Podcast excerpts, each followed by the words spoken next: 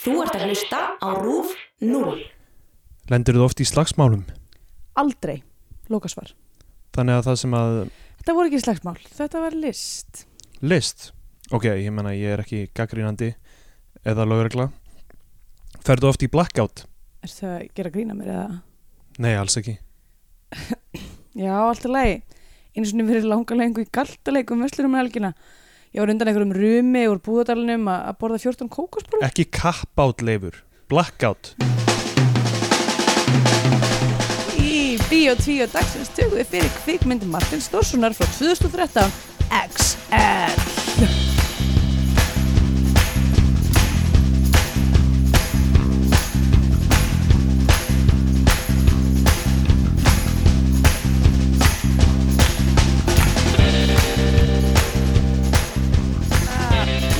Já, uh, heil og sæl og velkomin í Bíó 2, hlaðvarpið um íslenskar kvikmyndir. Ég heiti Andrea Björk og hér með mér er Stendur Grétar Jónsson. Góðan daginn. Góðan og blessaðan daginn. Uh, já, og uh, velkomin í þáttinn. Nei, ekki þú heldur, þú veist fólki, Já. fólki sem er að hlusta. Takk. Um, ég er að hlusta. Já. Hvað segirðu gott? Ó, bara svona ágætt. Ég er, ég kannski eins og heyrist að röddinni nývögnuð. Já, við erum að taka um mjög snemma á mótni. Já, að það er nú aldrei sem að maður getur nú vaknað við fuglasöng og hérna sól, það er endur ekki sól núna Já, það er mjög heitt. Um, en það er mjög heitt, ég er sko þú veist, ég er basically bara svona vaknað í svita kófi Já. uh, og nú og tók eftir því í morgun að ég er komið með svona svona núningsexem undir raskinarnar að því ég er Mm. alltaf sveitt þar Já. Þannig að s- Swamp Ass er loksins búin að fara catching up Já En það er Svampæs er sem alveg hræ, hræðilegur kvillið sem hrjáir meira hluta mannkins Já, ég meina við töluðum um minnum mig í s- í fyrir tveimur þáttum eða svo Já. um, um svampaðs og þá var ég að tala um að ég, þetta hrjáði mig ekki svo mikið að því að, að, því að læri mín snertist ekki svo mikið Já. en rassi minn hins vegar Snertir snertir lærið. lærið Já, og þar er, það er intersection vandræða fyrir mig já uh, en já, þannig að ég er bara annars res sko en þú Uh, ekkert já. uh, ekkert svampaðs í þér Nei, en nei, ekki núna bara svona, já, ég held að bara almenn þreita út af hita held ég að, Já, Já. einmitt þú veist, Hita þetta, þreyta. þetta er svona samspil, þú veist ó- ó- ofnæma hjá mér og, og hita og, Já, einmitt og bara fara ekki nógu vel með mig eða eitthvað einmitt, maður er bæði eitthvað svona að lifa eh, svona reyna, reyna að njóta ákslega mikið og, og koma illa fram að líka maður sinn og svo á sama tíma er maður bara frekar mikið lufsa á sumrin eða svona þú veist, Já, í svona veðri að því að þú veist, einmitt mjög margir með ofnæmi og þú veist uh, hérna moskítobit og eitthvað svona, maður er bara eitthvað svona eh, svolítið tuskulegur Já, þú veist, mér, þú veist, ég hlakka alltaf til sumarsins af því að það er heitt og sól og eitthvað svona Mhm. svo gleymi ég alltaf að svona smá rota mig líka já, mitt, en uh, maður hefði ekki að kvarta, þetta er allavega það þetta er alltaf hana ágætt þetta er ekki já, Já, við hérna, uh, við skulum uh, kannski ekki tala um veðrið í byrjun hvers þáttar nei, einmitt, nákvæmlega spælandi um, Já, uh, Já. er eitthvað að frétta annað? eða? annað, annað en það, ég minna að það var verið að halda upp á 100 ára afmæli fullvildis Íslands Já. uh, í uh, þessari viku ekki Hérna- hérna, vikunni sem, ekki vikunni sem að Já, vikunum sem leið, en Já. hérna eitt sem ég skildi ekki, af hverju var það þú veist, á, hvað, 18. júli var það, er það eitthvað significance eða? ne, ég, ekki, ekki sem ég veit til þess var það ekki fyrsti desember sem að sem að við fögnum fullvild okkar Jú, þannig að, þannig að, já, ég veit og þú ekki hvað veist, hvort þessi fólk sé ennþá eitthvað svona sárt og fúlt yfir því að allir hafi verið með spænskuveikina og, og kroppur og kulda og eitthvað svona hérna, fyrsta desember það var svona eitthvað, æ, þú veist, við viljum ekki halda upp á þetta þá og það, þú veist það var alltaf, það var alltaf slæm stemming Já, og mætti eitthvað 200 manns á austurvöld til þess að halda upp á þetta og var, örugglega smituðu a- allir hvern annan einhvern veginn dóu, var ekki svipa margir sem mættu þarna á jú, Þingvöll- öruglega já. Þingvöllum? já, þetta er eitthvað eh, vá, já, þetta var eitthvað svona 80 miljóna hérna, hátíðarhöld og þetta er bara svona þú veist, eins og einhver, þú veist, einhver sveitungar hafi, þú veist, barið saman eh, einhver, þú veist, ræðupall, skilur Já, já, mjög skrítið dæmi uh, Já, og ég- örglega, örglega einhverju fjölmiðlar fara að- að nexla sig á þessu uh, núna í þessari viku sem er búin að líða já að ég horfði svo sem ekki á þetta þannig að ég veit ekki Nei, uh, ég veit ekki það já, ég veit ekki hvað já, ég veit ekki, ég vildi ekki geta talað eitthvað um þetta ég veit að það voru stjórnmálamenn hann já, það var uh, annálaði Þetta var þing- rasisti sem að já, flutti ræðu já, en mitt og, Og hérna, ég og það svo sem, sko, ég veit að fólk er að segja það það sé eitthvað mjög óviðægandi að að fá eitthvað rasist til þess að flytja hérna ræðu á, á 100 ára fullvöldstegi Íslendinga en mér finnst það ekki út af því að wow. Íslendingar eru bara frekar miklu rasistar og þeir verða bara að fara að líti í einn barmbráðum sko. já, þetta, Ef þú- þetta er ekkit, ég myndi ekki segja þetta veri best, eitthvað að, geðvikt fr- já, best að fá geðveikt mikið danskan úr rasista til þess að Já, það sem, það sem erlega skrítið er að vera að fá okkur dana til þess að koma og tala um fullveldi Íslands rasist er allar landa saminist að þú veist, Nei, bara sumralanda Já Já um, j- Já, eh, allavega hérna, Hvað slóðið þetta læginu? Já, ég, ég var að reyna að ná þetta um þessa hugsun Nei, ég er bara að segja, þú veist mér finnst Íslendingar ótrúlega oft sita, þú veist, vera að kasta steinum og glerhúsi þegar kemur að þessu Algjörlega að því að bara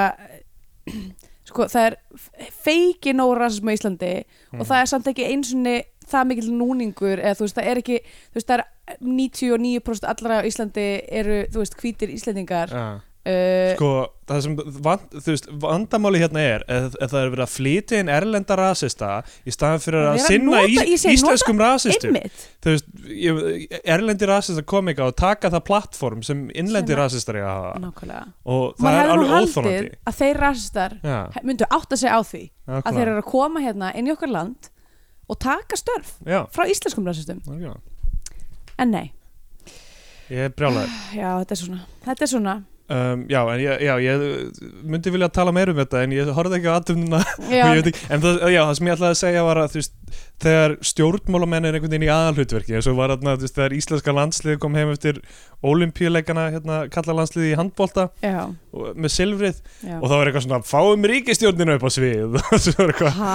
Já, það var eitthvað, þú veist, allir ráðherrarnir voru eitthvað svona að veifa Oh Þú my veist, god, og ég svo- alveg, býttu var þetta ekki eitthvað í ævintýrigarðurum í Spáralind eða Nei, nei, nei, þetta var á Ar Arnahóli, þú veist, þið Ó. kerðu í rútu niður Oh. Alveg, vá, fólk var alveg að Laugaveginn missa eða Bankastræti. vitið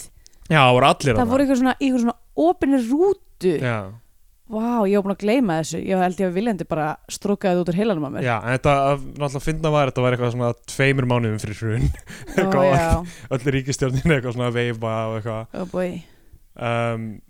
Mér finnst það- mér finnst það alltaf að fyndi sko, þú veist að Ég, ve ég veit að það þurfti að halda andliti þarna rétt fyrir hrun og allt það en þetta- það, sem, það voru svo mörg mörg tilvik þar sem þeir voru að skapa sér svona setna meir Já, eitthvað, já. vá hvað þetta var vandræðilegt Já, eins og hvað er fleiri, fleiri dæmi en það Nei, já, ég er kannski ekki með neitt beint í huga, ég er bara að meina svona, þú veist, það sem þau sögðu eitthvað sem var á skjön við, Já, bara það er allt í fínu lægi Já, með já. efnahæginn og þetta er nú sem bara þau þurftu að segja, þú veist, Já. fram að, þú veist, þau, þau gátt ekki bara eitthvað, verið e, bara eitthvað e, rú- þau gátt ekki bara tekið niður bankana með því að segja, herðu, það eru allir bankandir, það eru vandamál. lítur ekki vel út Eh. það hefði samt verið, hversu fest hefði það verið samt ef, að, ef að bara eitthvað svona eitt stjórnmámaður í svona viðtali, svona beinskipti viðtali hefði verið bara, veistu þetta lítur ekkit vel út Já, ég ætla ekki að fara út í saumun á því en ég er ekki tilstaklega bara, já, bjartsinn bara farið í bankana, takk um teringin eitthvað. nei, ég get segja það bara svona, þú veist vera kannski smá ríl með þetta Já, já. ég veit það ekki En við erum en einmitt, eins og við vitum þá er þetta ógæslegt þjóðfélag og það Já, er já. ekkert mikið og hvað geti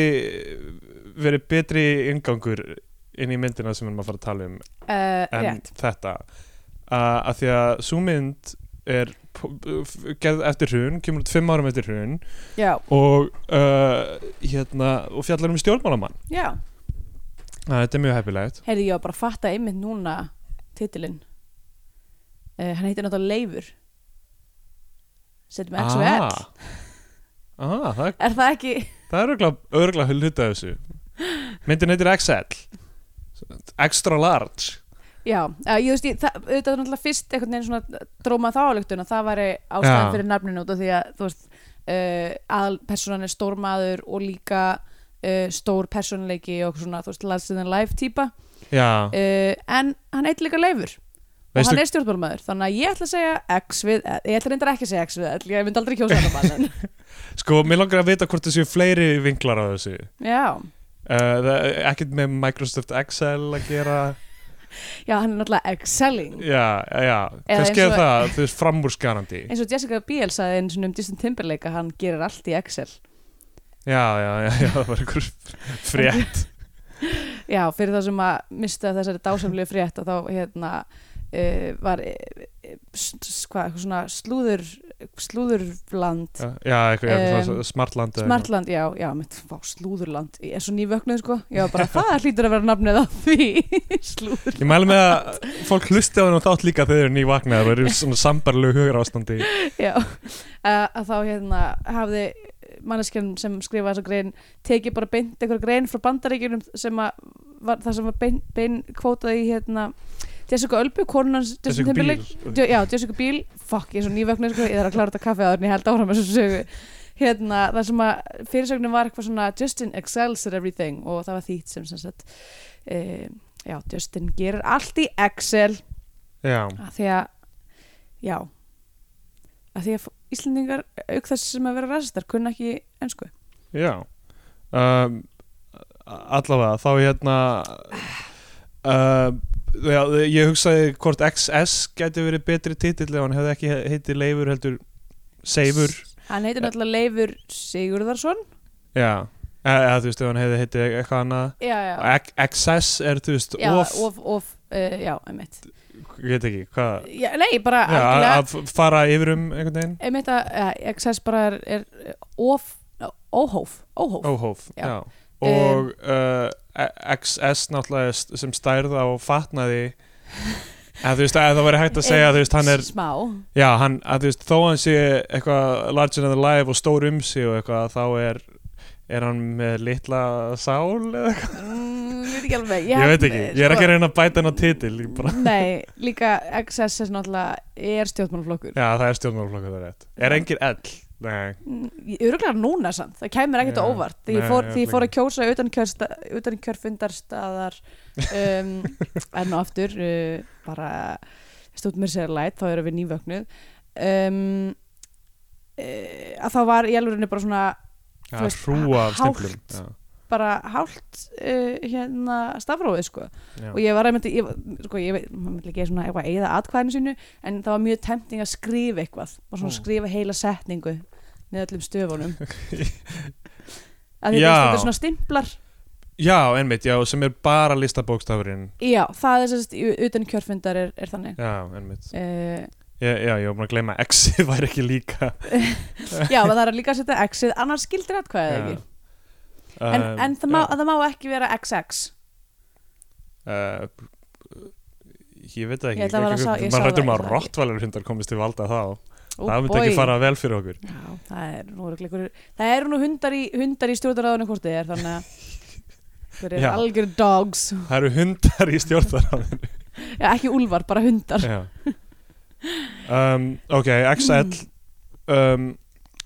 Þetta er kveikmynd Martin Stórssonar mm, sem kemur út á eftir Róklandi já, sem er önnur svona þú veist uh, s- svona, s- dálítið svona myndum uh, s- samfélagið og, einhvern veginn og, st- og, og svona orðræðina já og þetta ógislega þjóðfélag já um, um, nema í Rókland þá er verið að fjalla um í rauninni svona smábæjarmentalitetið já, og náttúrulega líka bara þú veist það er mjög svona erfið típa í miðin á myndinni emmitt um, um, leikin af Ólafur Dara líka já, þannig að þess- þetta eru- þetta eru það eru tengdar, sami leiksturi, sami aðanleikari Mhm. og Ólafur Darri er n- í þessari mynd er hann í hlutverk Leifs sem er Sigurð Arsson er það ekki? og því að rópar það á einhverju Hrópaði það verið- konu uh, uh, og hann er þingmaður já, og, og það er óvíst hvaða flokkur það er en þetta, En- þetta verðist vera sjálfstæðisflokkurinn já, bara upp á klæðaburð að gera og við veitum við erum á móti Evrópusambandinu já og, eh, það eru nokkra vísbendingar og, og það að formaði flokksins heitir eitthvað svona Örn Arnarsson já eins og sundmaðurinn um, uh, já, allavega, hún byrjar á því að með, mann með fyrstu personu skot þar sem mann er að vakna í íbúðinu sinni og það er allt út í þú veist, bjórdósum og þú veist, rusli mm -hmm. og greinlega búið að vera partí daginn áður já, og bara svona, þú veist s- maður strax staldið svona slegin af stílnum af myndinni, hvernig hún er tekinu upp já myndur þú segja að þú hafi verið slegin nei, það er ekki leið til þess að segja þetta og báða það með svona þætti ha, nei, bara hvort þú hafi verið slegin uturindir eða, eða bara ég veit ekki hvað jákvæða útgáfuna því að slá í rassin slegin er að, ég ætlaði að segja svona, slegin gullhamrum, nei, það gengur ekki um Hva, Er- hvernig, fannst þér, hvernig fannst þér þetta stílbræð? fyndið að rassin sé bæði þú veist, ásættalegasti og óásættalegasti staðan til að slá fólk já, af því að það, ef það er gert þú veist, með Nei, er ekki, samþykki er ekki best að slá á læri? um, Slá sér á læri? já, svona eins og þú sitt að hlæja Já, Já, ég er að meina ef önnur manneska Já. slæði þig Já, það er það dálítið er kannski skrít- svolítið ef, skrítið ef önnur Ef- manneska slæði þér á læri eitthvað ha ha ha það er pínu skrítið þig Já, en þú veist, rassin er svona þú veist, sá staður sem þú veist, þólir best högg vissulega og ef það er gert með samþykki það getur ekki að verið uh, Já, ég meina, ef það er jákvæðið upplifun fyrir Jú, jú, báða ef, ef að það er gert með samþyggi vissulega Já, en ef það er gert ekki með samþykki þá er það nánast verið en að slá einhvern þú veist, kynhesti Í- Já, af því að það er kynfyrslega áreitni, Já, það er líka já. ofan á það er ofan á, ofbeldi ofan á allt Já. einmitt. Mhm. finnir hvernig hlutin þetta geta verið Já, alveg týpendi sko, það er rétt Já, uh, ég, ég, ég hérna Nei, mér, þú veist, mér, mér finnst mjög áhugavert svona hvernig þessi myndi skotin og hvernig öll framsendingirinn á henni er Já, Uh, þ- þú veist, þarna erum við með fyrstu persónu skot mjög lengi mm og svo er megnið að myndinni er, þú veist, hún er ekki línuleg frásögn nei uh, það, er- hún er mik mikið af flashbökkum mikið af svona uh, það sem er svona d- jump cut í tíma þú veist innan sö- sömu senu Já, játvel, það sem allt í hennu er bara stór hluti af einhverju samtali er bara horfin og við vitum ekki hvað fór fram já, já, einmitt um, mikið af montasum mm og um, já, bara uh, óljós skil milli raunveruleika og uh, einhvers konar vímu eða draums Já, og það, ég velti fyrir mér hvort það sé einhver önnur íslensk mynd sem hefur gert þetta allavega að, af svona miklum krafti eða þú veist um, ég meina það er náttúrulega þú veist við erum alveg farið í gegnum myndir þar sem að, að því náttúrulega ég, ég myndi segja, þessi, mér fannst klippingin hún ángraði mig ekkert eitthvað voðalega mikið Nei. hins vegar fannst mér uh, svolítið mikið já, að svona mjög aggressív þú veist það var svona mjög aggressív vinnjætta á, á Já. öllu og þú veist greinið var mjög augljóslega eitthvað svona viljandi sett upp ókslega mikið og, og svona þú veist all, all, bl- allt blurmapping og allt Já, svona já. þú veist, það, var bara svo, það var bara svo rosalega mikið já, af því. mjög mikið að því sko. að þú veist að það fór að vera svona pínu þú veist þú veist, líka út af því að, að, því að þú veist, náttúrulega- nú veit ég náttúrulega ekkert á, hver- á hvað þetta var skotið en, en fyrir mér leiði þetta út fyrir að vera þú veist, bara sett ofan á í, þú veist, klippiforði já, í rauninni, uh, allt saman, þú veist, auka greinið og auka blörrið og allt svona það er, þú veist, ef, eftirvinnsla já, uh, sem að, þú veist, kannski er það bara út af því að ég, þú veist, eigði flestum mínum dögum í After Effects að þá já, já. fannst mér þetta svona eitthvað sérstaklega skýr í augu en, en Einmitt, hérna, einmitt. en það er svona ángraði með pínu hvað þetta var mikið þú veist, Já. það hefði alveg mátt svona trappita niður örlítið og það hefði samt náðst þú Já. veist, það, þessi pæling hefði náðst fram það eru fjórir klipparar um, sem koma að já, breytingunni. einmitt um, kannski árum höldum lengra þ- þessi þú veist, myndir eru gláð sarpinum núna hún var í, á rúf í, já, í einmitt, gær þegar þessi þáttu kem, kemur út alveg rétt þannig að þú veist, ef þið viljið horfa á að sjá þú veist, hvað við erum að tala um með Já. þetta um, ok, vel, það sem við lærum snemma er að hann er þingmaður hann er kallaður á teppið hjá forsætisræðara mm. sem er Þorsteinn Bakman sem er hérna mest mörguleiti skemmtilega, skemmtilega skrifu sena sem hann er eitthvað svona vopna bróðir eitthvað, já, einmitt eitthvað svona ög uh, já, og, og býður hann upp á belgist konfekt og þeir eru svo lengi að tyggja þess að móla Já. þess ég, krós einmitt, ég hugsaði það ég skrifaði hjá mér um mitt bara eitthvað svona þú veist, þessi hljóðvinnsla já, er svo óþægileg en þú veist, hún er eh, ég held að sé svona viljandi alveg mjög viljandi eh, svona stílbrað en, en hérna, eh, sko, basically margt í þessu þú veist, fannst mér alveg virka ágætlega þú veist, klippingin og svona sumt fannst mér vera að tekja eins og lánt uh, en sumt eins og þetta uh, var ég bara mjög mikið svona eitthvað svona þetta er, þú veist, það er það er verið að reyna að taka eitthvað svona auteur movie hérna, já, já, nema bara ég sé þetta hjá öðrum já, leikstjórum já, algjörlega sko. þannig að þú veist það er kannski aðal, ekki það að þetta hafi ekki verið vel gert heldur bara svona, þú veist ef þú ætlar að vera ef þú ætlar að reyna að að vera ótör kvikmyndalegstöði, Já. að þá verður að finna upp á þínum eigin hlutum já, já. en ekki bara taka, þú veist eða gera eins og tannir þínu og stela bara nógu víða já, nokkulega, stela bara, bara frá öðrum menningarheimum já, já nákvæmlega hvernig franskar myndir aldrei í bandaríkinu bara eitthvað, hva, hvað er hann að gera Já, þetta er svo ótrúlega nýtt að fest Einmitt. um, en já, það var rosa óþægild eða svona maður bara svona, úf, úf, ég var nefnir að hor horfa á þetta með heyrnatól því ég vildi ekki ángra Jón já, uh, og var alveg bara svona nett, bara, mér finnst það nett ógeðfælt að Já. hlusta á þetta um, hérna, þeir eru að tala um sem sagt það að hann þurfa að fyrir í meðferð af því að það sem, uh, sem við heyrum er að hann hafi ráðist á einhvern mann mm. og hann segir já, þetta var hluti af listgjörningi Já. og svo fáum við einhvern veginn að sjá það að við hverjum miklu setna og já, það- já, það er svona allt, allt svona cause and effect er það aldrei í, í já, þú veist, rústi í þessari mynd í rauninni af því að þú veist, hún hoppar svo mikið fram og tilbaka í tíma einmitt og ég held að stundu verði maður ekkert rosalega slegin af hlutunum að því að maður er búin að heyra um þá eða mm þannig að það, það, það er svona pínu brotið þú veist já, hva, hva, já það kemur manni ekki endilega þú veist, það, það, söguþráðunum kemur manni ekki á óvart alltaf Nei, en þú veist, mér finnst einhvern veginn eins og, mér finnst svo lítið sko með söguþráðin uh, eiginlega, að því, að því að kannski út af því að þetta, er, þetta stýrst svo miklu meira um bara svona upplifun og, og Já. hérna og þú svona state of mind og eitthvað að þá finnst mér svo söguþráðurinn einhvern veginn svona telja ekki tilstaklega mikið, Nei, skilur hvað ég á við þú veist, í rauninni er það það að hann er með sagt á fyrir meðferð Já, eftir þetta atvik hann uh, vill ekki gera það mm. og uh, á endanum gerir það að þú veist þá erum við búin að fjalla um þessa mynd og já. Ég meina, það, ég meina, það er í rauninni þú veist, ferðalagi hans úr, úr því þegar hann er með sagt að fara í meðferð yfir í þegar hann gerir það er í rauninni bara hrúa af bara s- s- einhverju stóðlífi og, og hérna Já, en það er líka flashback yfir í af, þú veist, Já, já, það já. sem gerist fyrir eitthvað sem gerist fyrir og eitthvað þannig þannig að þetta á að vera eitthvað svona uh, eitthvað sem s- eh, byggist upp en þú veist, það er pínu erfitt að sjá út af út af þessum óreynurlega uh, hérna já, þessum ó- ólínulegu frásögn Já. ok, hann uh, uh, Þorstráður segir um að fara í meðferð Mhm.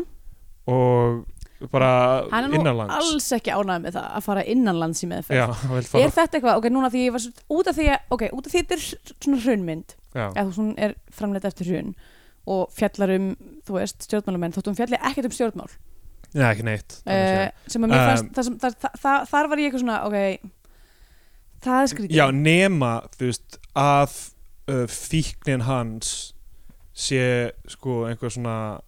smækku mynd af því hvernig við sem samfélag trítum uh, stjórnmál, meðvirkni og, og, og, og eitthvað þannig Já, ok, nema það sé eitthvað svona þannig já, ok, ég fær ekkert eitthvað sérstaklega mikið fyrir því en, en hérna, en flott pæling Já. um, En, já, bas- en þú veist, að því basically allan tíman var ég að hugsa bara eitthvað, er, þú veist, er verið að, að því, að því það er svo mikil heift í samfélaginu á þessum tíma Já, og, og þú veist, þetta fólk er, svo- er svo ótrúlega mikið hatað já, að ég var bara svona eitthvað, þú veist, er verið að vísa í eitthvað ákveðið, þú veist, akkur er Einmitt. hann alltaf með eitthvað svona slaufur, er eitthvað stjórnmálumæður sem er að gleyma sem að er alltaf með slaufur, þú veist, er já. eitthvað svona, þú veist, ég er eitthvað basically allan tíman að reyna að púsla saman, Þetta er reyna eitthvað að finna svona, hver einhvern er ákveðin þetta? já. Um, já, ég veit ekki þú veist, ég meina, þú veist, það er einhverju stjórnmálumenn sem hafa, þú veist uh, farið offors í drikju og Já, þú já. veist, það er náttúrulega Eithor Arnalds og Staurinn og það er Ásmundur Einar Daðason sem var, þú veist, flugdólgur og eitthvað Já, já, mitt. og uh, já, einhverjir já, það eru örugglega einhverjir fleiri Um. já, já, Átni Jónsson alltaf Adni, já, annálaður. Uh, ég, sko, ég er bara að segja eitthvað sem er í fréttum og þú, þú fer alltaf í það að, þú veist, að, að koma þér í eitthvað svona aðstöð til að verða kærð Hva, ok Sko, ég er bara með nokkur, nokkur marg first hand account og ég Já, líka já. fyrsta lagi, kláraði ekki setninguna það sem ég ætlaði að segja var partykrasjar Já, af því að ok. hann er mjög mikið í því Svo Bill Murray í Íslands að, um, ok bara að þessu einu leiti Já, en hérna nei, nei, bara þú veist uh, ég, bara- ég átti mér erfitt með að hætta að hugsa um það já, og þú veist og í rauninni, að ég veit ekki bara, og pæla í rauninni bara svona hvaðan er þessi saga dregin er hún dregin, þú veist af því þegar maður heitir svona, þú veist nú eigum við alveg nokkra vini sem eru svona íslenskir bransakallar Mm. og hérna og þú veist, og maður heyrir alltaf eitthvað svona fáranlega sögur skilur af einhverju fólki Já. út í bæ og hérna, þú veist, og ég, bara, ég velti því svo mikið fyrir mér hvort þetta sé aktuelt dregið upp úr einhverju, já, já. einhverjum raunverulegum grósum Já, ég hef algjörlega hægt fullt, fullt á sögum um, þú veist, mögulega, þú veist, já, náttúrulega drikju og mögulega eitulega neyslu stjórnmálumanna, mm. uh, framhjáhald eða swing eða þú veist, einhver Já, svona, einhver einmitt. partí. hver mann ekki eftir Ice Hot One uh, Já, já, það var í fréttum. það var í fréttum það ég er ekki að koma neitt eitthvað Ég veit. skúpp hérna Ég veit, þú sagði það bara beint í framhaldi af, já, ok, jú, swing, ok. en hérna uh, Uh, já, samhengi allavega þá hérna uh, já, hann, hann fer hann út af þessum fundi með fórstinsrára sem hann, hann, hann, hann er með sagt að fara í meðferð Mhm. já, ok, sorry ég, punkturinn sem ég ætlaði Já. að gera var hvort þessi tekið allt saman upp úr okkur um grósum já, eða hvort það sé bara tilbúningur komin upp úr reyði já, sko ég held báðar þessar mynd, uh, myndir þessi og vonarstræti sem, þú veist, sem er aðeins svona bankamegin í þessu mm. já, veist, þetta- þeir eru bara, þeir eru bara aðeins of nálægt atbyrðunum þú veist, það Já. eru bara liðin svo fá ár og þú veist, í vonastrætti er tilvísunin svo bein þegar við erum að tala um þú veist,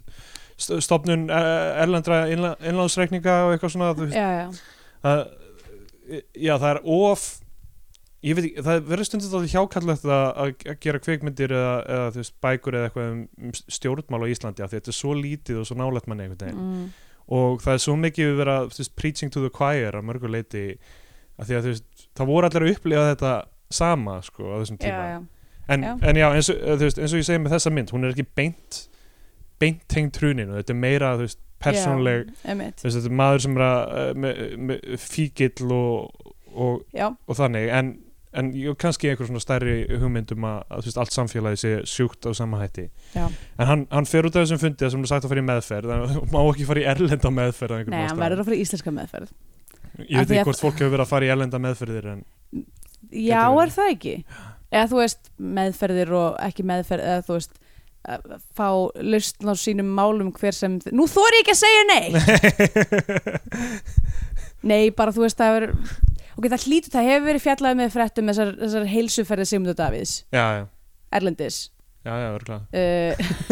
Þannig að ég er ekkert eitthvað já. hann var nú, hann var valla komin fram á sjónasviði þarna, hann var Nei, nei, ég veit það, en þú veist, Já. en bara, þú veist, ég bara hugsa, þú veist, þetta konsept um að fara í erlenda meðferð, ég, hef al- þú veist, ég hef ekki mikið heyrt þetta, já, heyrt þetta áður þessi mynd er eitthvað að okkar íslensku meðferðum spyrir já, sko. ég bara örgulega já, öruglega, pott, núna þegar ég segja það upp á það bara já, öruglega, mjög mikið um, sko hann, hann kemur hann út og mamma kærustunar hans sem sagt, kemur beint að tala við hann Já. og ha- hann er eitthvað, ó ok, fáum okkur að borða og þau fara að fá sér pilsu Já. það er svona jump cut að við missum af öllu sem hún segir í raun. já, einmitt, og hann er bara eitthvað svona he, ekki á ágjur, ég ætla ekki að hætta að hitta hana eitthvað og þú veist, maður lærir að hún er frekar ung já þú veist, hún er samt ekkert eitthvað hún, lí- hún lítur að vera yfir átján eða ekki mm. hún er í, þú veist en það sem ég, alla myndin er ég að hugsa er þessi manneska til í alvörunni já. sem Marja Byrta leikur, þessi Já. kærast hans ok, akkur er þetta að segja það af, einhvern veginn af því að það eru atrið það sem uh, allir eru að spurja hvað hún sé og hann er eitthvað hún skrapp út já, og eitthvað svona og hún er í þessu leikriti sem hann fyrir að sjá eða þú veist listgjörningnum já, en þú veist ég veit ekki hvort þau að hafa kynst þar eða hvað málið er já, ég skil þú veist, það, það, það er svona óljóst og líka, þú veist, af hverju er hann með einhverju, þú veist ungri stelpu sem, þú veist, ég veit ekki af hverju er hún með einhverjum þingmanni uh, að því að hún fílar eldri karlmenn er það sem Já. hún sagði í myndinni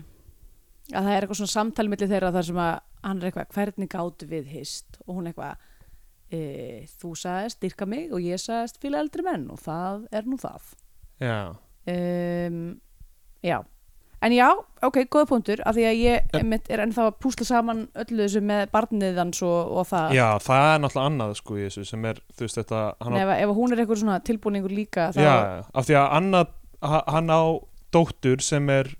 e- eitthvað í kringum tvítug líka og Mhm. er í þessum listgjörningi líka sem já. hann á að hafa lent í slagsmálum í Mhm. og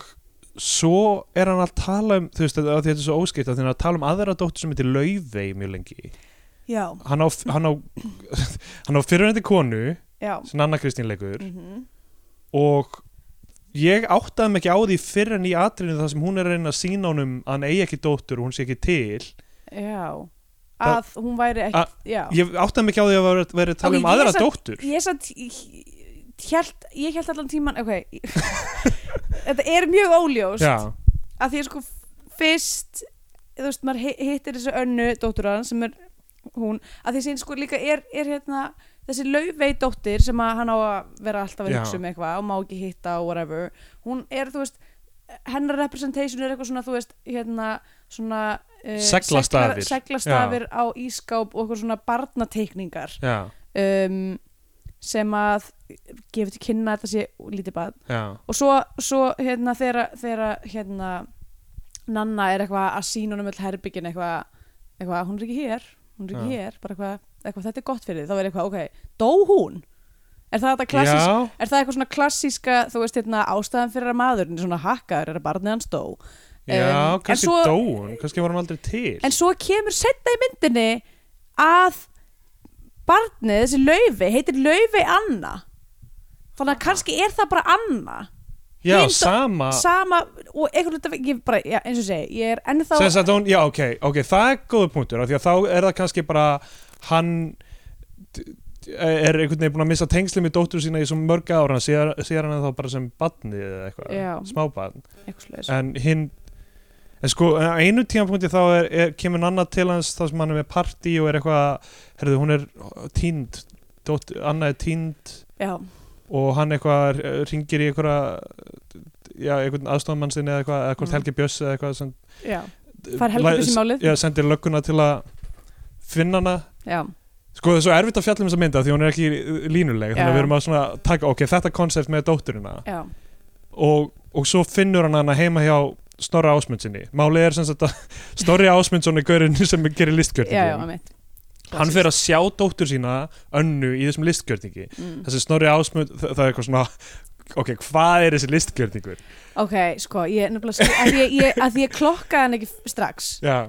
sem snorra já, og skrifaði hjá mér úf, þessi performance hérna hvernig væri að fá aktuál listafólk til þess að gera listgjörninga í bíómyndum af því að það er svo pirrandi að horfa á já eitthvað svona eitthvað svona, eitthvað sem að eitthvað, eins og við höfum þú talað um, þú veist, þegar eru ljóð í bíómyndum, Já, eitthvað, á þetta mitt. var gott ljóð eða Eitthvað, ekki eru, er, er, fenguð ljóðskáld til þess að Já. gera þetta en svo bara er þetta, eh, þú veist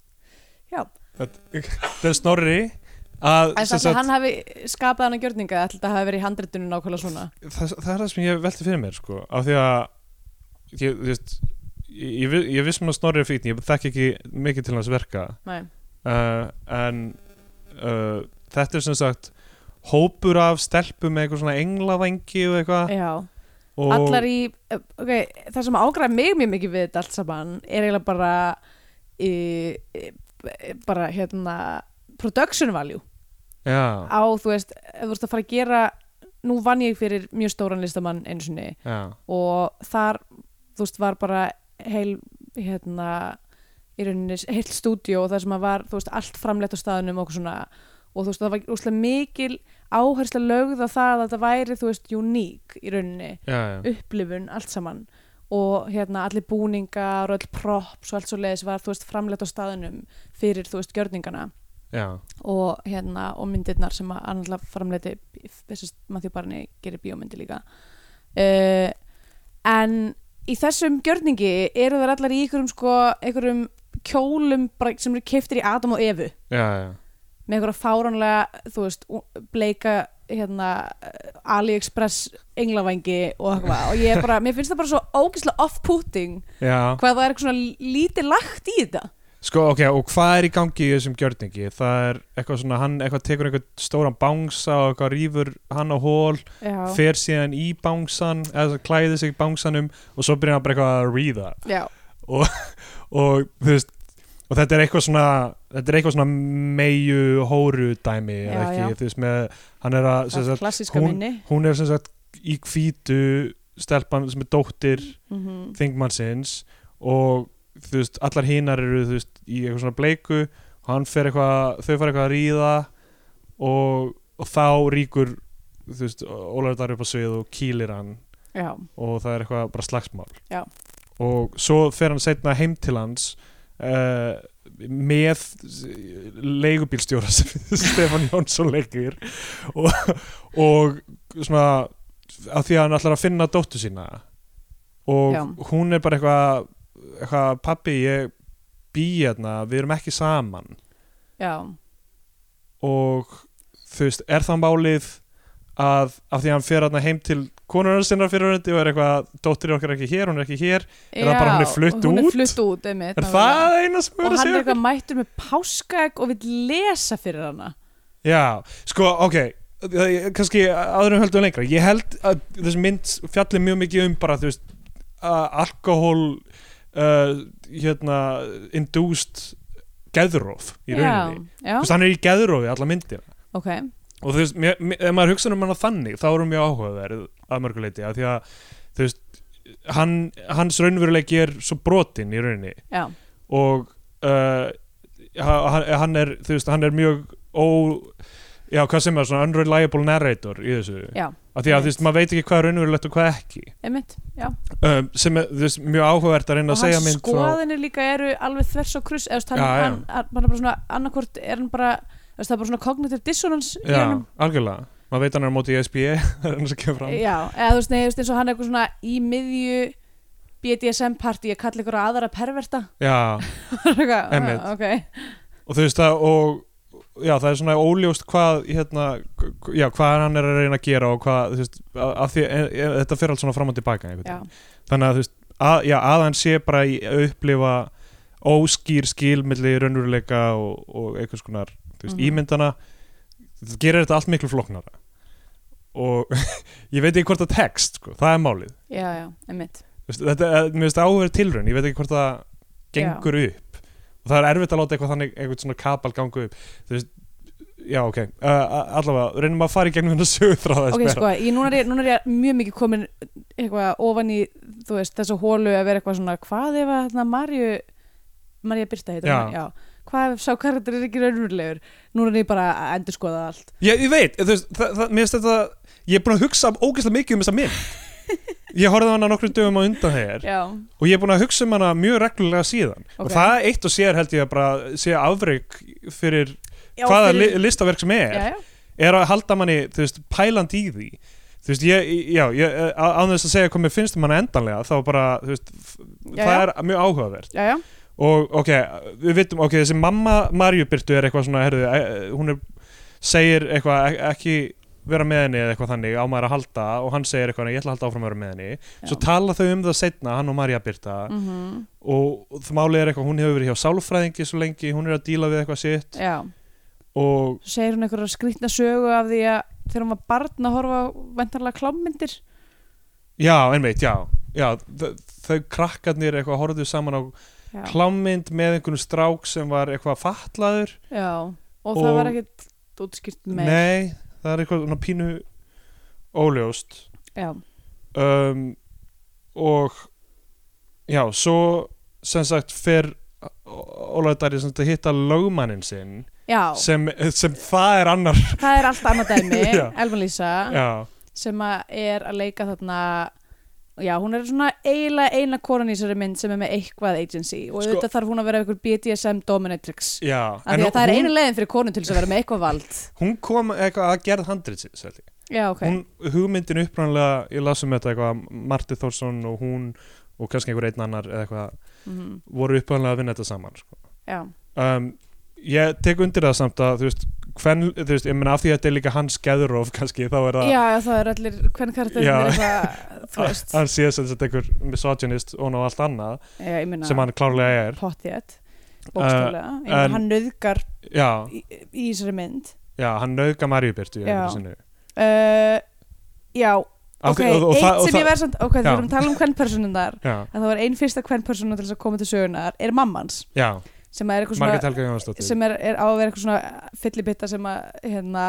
trúir á svo mikið á svona sinn hún er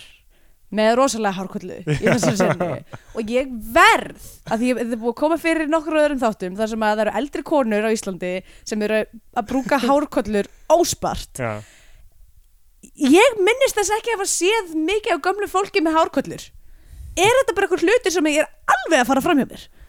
hmm, ef að velti þið fyrir mér. sem eru að hlusta eigið ömmu og afa sem að eru að brúka hárkollur þá verð ég að fá að vita því Ég held að sé eitthvað dæmi með að þú veist, þegar hár kvenna þinnist, það er ekki jafn svona samfélagslega Samþykkt, Viðurkennt nei ég og- skil það alveg þú veist, en ég bara einhvern veginn hef aldrei s- séð þetta Nei, kannski ekki, sko kannski er bara Já. fólki alveg með, þú veist, svona fólk sem er bókst er í alveg núna hárkollur er bara með svo það góðar hárkollur að ég sé það ekki á meðan að í þessu- í Já. þessari bíómynd er þetta bara svona þetta er hárkolla af gínu Ég meina, Það, það er mjög gott stand-up-bit með Paul F. Tompkins þar sem hann er að tala um málverk sem hann sá og á málverkinu sást maður, eh, var maður, sko, svona Já. portrétt og maðurinn var augljóslega með hárkollu á málverkinu, sem sagt, málarinn var bara eitthvað nei, ég ætla að mála þess eins og ég sé þetta en ekki reyna að þú veist gera hárkolluna þessu raunurulegri fyrir málverki Það er mjög, mjög gott bit Æ, Uh, allavega þá uh, Margrét Helga er s- að drekka púrtvín alltaf já, og hérna, já, og hún er svona þú veist, hún er svona hve- hvetjandi dáða með, þú veist, já eitthvað hann vill vera fósitisöðra já, það er mál, hann er einhvern með einhvern metnað í stjórnmálum sem einhvern veginn hann talar aldrei um stjórnmál í raun Nei, og ég veru í veit, þess myndinni vegna fannst mér svo skrítið að það- að stjórnmál koma bara aldrei þú veist, það er aldrei, að því líka út af því maður tala hérna um, þú veist, að því það er ekki au- auðvitað er náttúrulega átt að vera hans þú veist, hérna, gæðurof eða upplifun Já, eða já. whatever, en þú veist, ef að hann er stjórnmálaðar sem lifir fyrir stjórnmál þú veist, hann, hann lifir og hrærist í þessum heimi, að þá er það partur af lífin hans Já, já. sama, þú veist, hann virðist ekkert vera mæti í vinnuna með, það, þú veist, e, eina skiptið, hann er á þessum fundi þarna með, ég held að það sé eina skiptið sem hann mætir í þinghúsið sem er á fundinu með fórstisráðra mm, og á leiðinni, hann tekur í höndina Átna Jónsson sem er enn eitt svona eitthvað þessi Já. gaur á að vera sjálfstæðismæður og nikkar til uh, Þráins Bertilssonar, mm, Róbert Marshall og Guðmundar Stengriðssonar þar sem þeir eru að labba inn í já, og kallar það síðan eitthvað svona lúða já eða eitthvað líka. þannig, já, af því að það var þú veist, Þráins Bertilsson var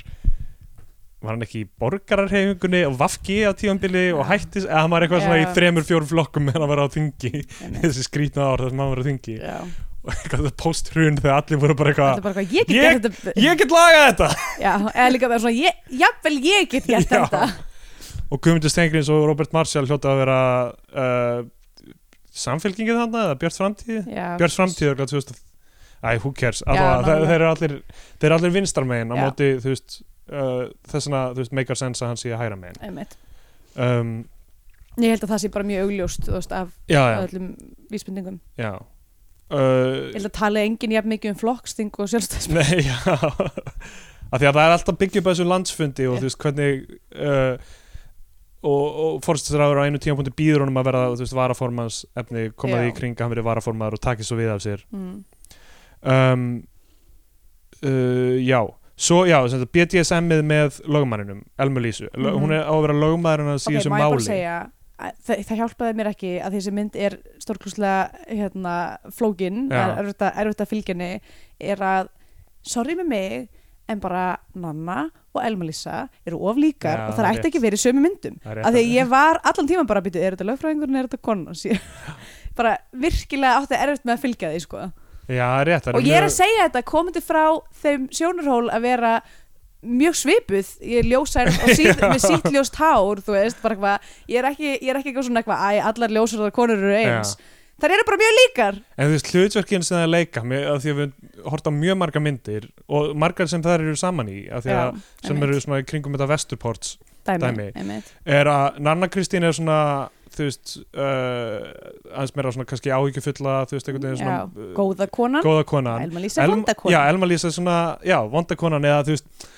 uh, stundum svona málið svona trashy sko. Já, einmitt. annarkvort er hún trashy eða svona peningatrashy eins og þetta, svona lögmaður einmitt. svona s- smá efnaður lögum, lögmaður sem er í- í- þú á veist- hún að vera kvenkinsveitandri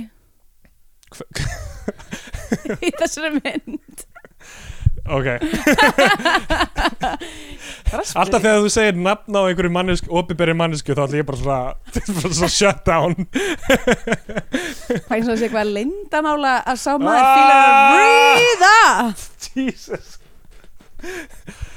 Ég er ekki að segja neitt sem er, þú veist, hérna en fílar er raunverulega að ríða uh, allavega með við SMS-um sem hann sendir ungum stelpum já, ok, það, sem, það, sem, Sorry, það hefur komið fram í fjölmjölum það hefur komið fram í fyrirmlum uh, um,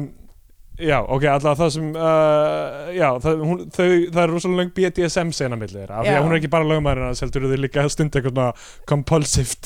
eitthvað kynlíf og, sem, ok, og BDSM, þú veist hvernig það er sínt oft í, í, myndum, í myndum Er, Já, ekki hvernig það er í alvörunni Já, og, og það er, sko, ég veit ekki alveg þarna, þú veist, að hún setur á hann einhverja svona grímu, eins og hundur og eitthvað, mm. stundum er eins og þau séu ekki meina reg, neina reglur í kringum Já. það allt saman. En það var það samt ekki punkturinn í seninu er að hún vill eitthvað reglur og hann er alltaf bara eitthvað Æ, ég vil bara, rí- ég Já, get ekki bara já. ríða eins og með hlut fólk Kanski, já. Í já. þessi sena, hún myndi mig óþægilega mikið á þarna, hérna, ekki stanna Já, já, Sástu það eðast já, bara svona það brotum því á sínu tíma. Já, mitt, maður, ég- þú veist, maður sá alltaf brotur í þessum tíma ég ætla- en þetta var alltaf, þetta var óslega mikið grín í vinahóknum mínum með þessa sljómsutin sem ég var í sandi lag sem heitir ekki stanna Já, voru þið einu hópurinn á Íslandi sem var að grínast með þetta? Nei, nei, þetta var bara svona, þetta var bara ógæslega langt og þú veist, ég veit ekki ég, Þið sáuð húmor í þessu öllu saman, þessu. Guðmundar í Birginumáli. Ég náttúrulega er hræðilegt að hafa verið að gera grína þessu, ég átti mig á því. Þetta var, ok, þetta var svona þetta var bara fynd- fyndið sko. Já. S- sorry, hann var hlutinni sem hann var að segja í einhverju, á einhverju Það er bara vídeói. að- að að henda inn einhverjum Já. sænskuslettum er bara alltaf fyndið. já, það er, já, það er ekki hægt að ekki finnast það fyndið sko. en þetta var náttúrulega Þetta var agalegt. alltaf hræðilegt mál. um, Uh, já, allavega. þá hérna já, allar að segja eitthvað meira með ekki stanna Nei bara, nei, bara út af því að það, sem sagt, uh, sem sagt, út af því að þessi sena, hún var svona pínu unsettling, að það virðist, þetta virtist ekki vera eitthvað svona þ- sérstaklega consensual, hérna, BDSM Nei, kynlíf og ekki, ekki eftir svona, þú veist, eins og, ég held að BDSM félagið myndi ekki vera ánægt með þetta representation af BDSM já, uh, er að þú veist, að því það myndi mig á og þú veist kannski var það viljandi fatturu já, ég- já, ég held að þú veist, það sem málið með hann er að hann þú veist, spilar ekki eftir einhverjum reglum þannig að hann getur ekki, þú veist já, getur ekki gert BDSM rétt og þú veist þú veist ekki einu sinni gert BDSM og hérna svona stóra dæmi er þú veist þetta er allt saman alkoholismi án afleiðinga hjá honum já, þú veist hann, hann sætir ekki þú veist þe- þegar fólk eru alkar þá þú veist geta þeir mist vinnuna eða þeir geta mist fjölskyldu eða heimili það er allir Mhm. meðvirki með honum já, já, og þú veist það er allir að reyna að láta hann virka einhvern veginn Já. og fungera fyrir sig eins og forstins er að vera að vilja að Já. hann fungeri fyrir sig Einmitt. og, og, lögmaðurinn segja, þess vegna sé þetta allegóriða fyrir já, Ísland já, Já. þú veist að það er allir að reyna að láta þetta kerfi eða fyrirbæri sem hann er já, eh, vera sér í haga einhvern veginn einmitt um, og allir að leita einhverja lausna í því, þú veist, fólki sem mætir í partíin hjá honum þú veist, Marja Byrta mögulega einhverju leiti líka já, uh, það er allir einhvern veginn að nota hann sem tæki til að fá sínu fram uh, svo kemur að þessari sem sagt, þessum fundið sem að fer í til læknis sem er hérna Ævar Þorbendinsson einmitt sem um, var skemmtileg sinna já, ég mér þótti gaman að sjá hann Já. og myndi þykja gaman ef hann myndi leika meira en já, hann er, hann er alveg mikið vísindamæðurinn og... hann er svolítið mikill við já, það er svolítið mikið vísindamæður viltu ekki detta í, í Villa Naglbíts nei, rétt uh, pittin rétt, nei, hérna neini, þetta er allt öru lefili Nei, mér mér finnst það, þú veist, mér finnst það líka sk- vel skrifu sena, því að þú veist, þetta er eiginlega eitt af því næsta sem við komumst einhverju svona sóper raunveruleika. já, Þú veist, einmitt. af því að við sjáum aldrei afleiðingar gjörðans n- nema, þú veist, í gegnum hans ramma. já, Þetta var eitthvað svona fyrst sinn sem einhver svona, uh, þú veist, leta hann heyra það eiginlega. sko. mhm Þú veist, hann, Já, er á já. enda, hann er á endanum látin vinna senuna, eða, þú veist, að vinna rifrildið, en þú veist, samt eiginlega tapa því með því að sjá ekki, þú veist, já, já, einmitt. Mér mér Hann finnst það er skemmt, já, því hann er eitthvað, þú veist, Æ- Ævar er eitthvað svona, þú veist, ferði oft í blackout, er alkoholism í fjölskyldinni, er eitthvað að spyrja senan sem við tókum í byrjunum á já, já, þetta uh, og hún heldur áfram svo á endanum er hann, eitthvað, er hann bara eitthvað, já, frábært eitthvað, þú veist, ef, ma, það verður svona smá órunumilegt hvað hann er, þú veist, Já. dismissive á hann Ég, samt, ég myndi ekki segja að það væri mjög orðunulegt af því að uh, það er mjög mikið það sem fíklar gera þegar þeir eru komin mjög nála því að annar- nei, nei, ég er að meina hvað ævar er dismissive á hann já, þú veist, já, þegar hann er bara svona byrjar eiginlega að gera grína því hvað hann gerir miklar afsakanir já, Já, þú veist, og hann er, en það, það meikar sens að því hann er pyrrar af því að það er búið að borga hann fram fyrir röðina á, já, einmitt á vogi eða hvað og það við sem að trúum á því sósílíska kerfi erum mjög ósatt við það allt saman Já, já, að, fá- að fólk borgi sig fram fyrir raðir um, og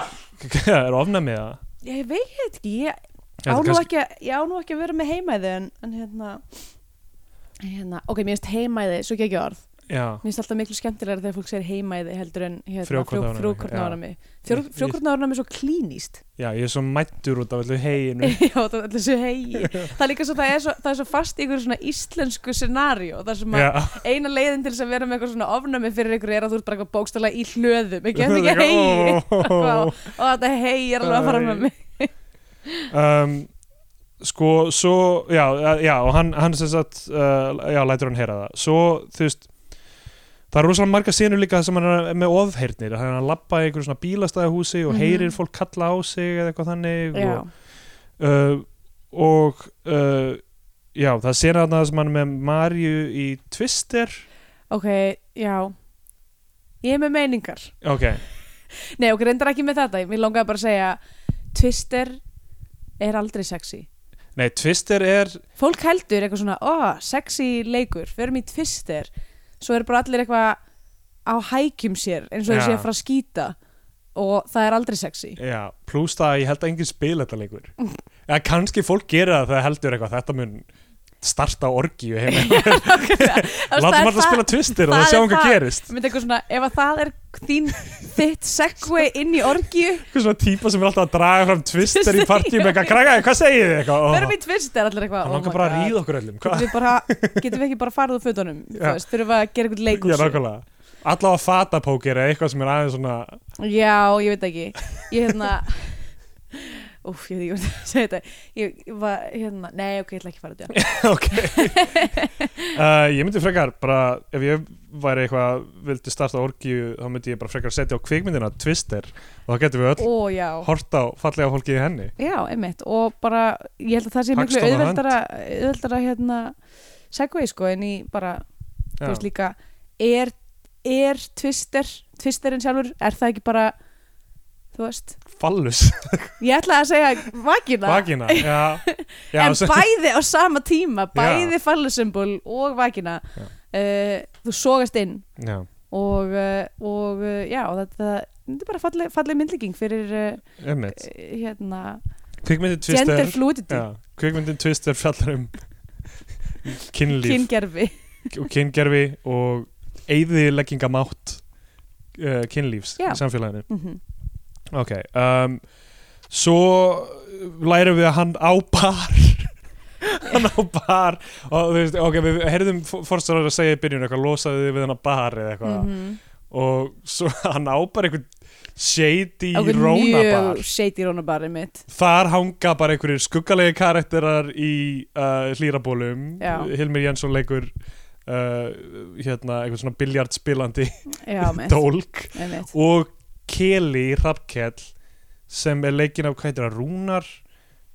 Guðbrandsson, getur það verið rétt sem er, sko, sem er Mm. Hver- alltaf í partýr með Já, sólglöður, ok, hver á það að vera hann á að vera bara eitthvað svona drikkjufélag í rauninni en hann á að vera eitthvað svona heimsbyggjiprofessor líka já, já, eða eitthvað svona, þú veist, hann er alltaf að skrifa einhverja heimsbyggi, eitthvað siðfræði og, eitthvað svona, og ég er bara svona eitthvað, er þetta einhver ákveðin típa? Líka hann Já. er bara svona, hann er svo ákveðið dressaður hann er með allir eitthvað sé svona, ekki eitthvað svona, svona, svona hvítur kaðlaprjóns rúllukraðapeysu og eitthvað já, svona, þú veist að það er bara eitthvað svona ákveðið lúka á þessum gæja að mér finnst þú erfitt að trúa því að hann sé ekki byggður á okkur já eitthvað svona samkrull stjórnmála og fræða heims Já, eða svona, æ, þú veist, það er alltaf eitthvað svona æ, bara svona kallakallar já, en mitt sem er alltaf að kallast já, saman svona ölstofu típur Já, eða þarna fucking þarna, kaffi kaffihópurinn gæna Já. sem hittast allir saman í kaffi á skólaugursti og hverjum mótni já, hérna Egil Helgason og, og eitthvað, já já, kaffifélaginu, já, kaffifélag Eiríku Bergmann og eitthvað svona, einmitt eitthvað svona svona who's who af, Já, af kallaköllum eitthvað Íslands svona e- echo chamber af bara A- einhverjum já, einhverjum gömlum skörfum sorry uh,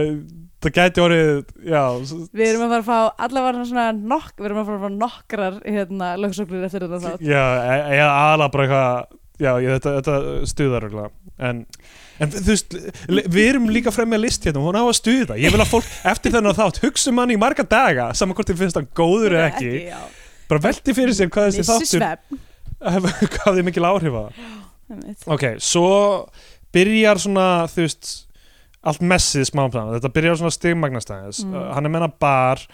fólk er að hanga þar svo þú veist, hann og Marja byrta að fara að versla í einhverjum BDSM grímum eða svona Ice White Shirt grímum já, mitt og fara heim að gera eitthvað Beef Wellington,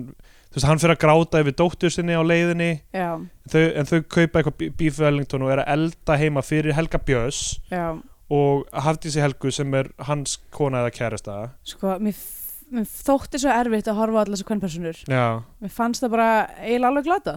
já en þú veist, já, já, kannski ég veit ekki hvort það sé ykkur afsökun að það er verið eitthvað svona hans Hans- já, representation hugarfóstur, já. hugafara en bara þú veist, það er bara svo óksla niðurdreppandi Já, þegar allar kvennpósunur eru eitthvað svona, eitthvað svona bereaved mother og eða þú veist eitthvað svona eða þú veist eitthvað, þessi er bara hóra sem hugsar ekki neitt, ó þessi vill vera söngkona en hún er óksla heimsk já, já, eitthvað, þú veist, og svo er eina Þú veist- konan sem með eitthvað agency í allari myndinni er máluð sem eitthvað svona BDSM, Já, já. eitthvað Þú dominatrix veist, ef þetta á að vera svona ironíst þá, eh, ég veit ekki, það er svo erfitt að bara byrta hlutin án Mhm. comments, já, eiginlega. nákvæmlega, einmitt, það, það, það þarf að fara, ge- fara svo vel að því, sko einmitt um, Þannig að jú, jú, við erum að sjá bara svona stereotypur, já, Hafdís Helga er hann einmitt, þú veist, vill vera söngkona og á að vera, þú veist, og hún spilar hana mjög heimska já, um, og þau eru með þetta matabóðum þar til að byrja með er eitthvað sko Marja byrta ekki á svæðinu já, en Elma Lísa er, kemur líka í þetta matabóð já, og maður veit ekki hvað, þú veist, þetta á að verða, verða eitthvað svona stóðlífispartí já, en svo þegar þau eru öll byrjuð að taka sveppi og eitthvað þannig, þá er Marja Byrta komin fram einhvern veginn, já þannig ég held kannski að hún væri eitthvað svona vímanan, skilur þú veist, e-, eða, eða eitthvað Já, það, já. en þú veist, kannski er það ekkert rétt heldur það eru margar meiningar já, ég, að, ég veit það ekki það, sk- kannski skiptir ekki öllu máli í þessu en kannski var einhver meining með hennar pers persónu í þessu hún er í Já. þessum hru- nei, hún er, já, ég- svartur og leikir kannski ekki beint hrunmynd, nei mm, ég veit ekki, mann ekki eins og Já. hvernig það kemur út en alltaf þá, hérna uh, en það er mjög mikið að sama fólkinu og í svartór leik í þessari mynd allavega, no, Já. no, ég veit ekki hvort þetta sé eitthvað svona krúið hennar eða eitthvað en, en þessar, þessar hérna, sem að voru kryddar sem lólítur Já um, voru held ég allar líka í svartór leik Já Um, þeir Uh. sem eru mögulega eitthvað svona go to eitthvað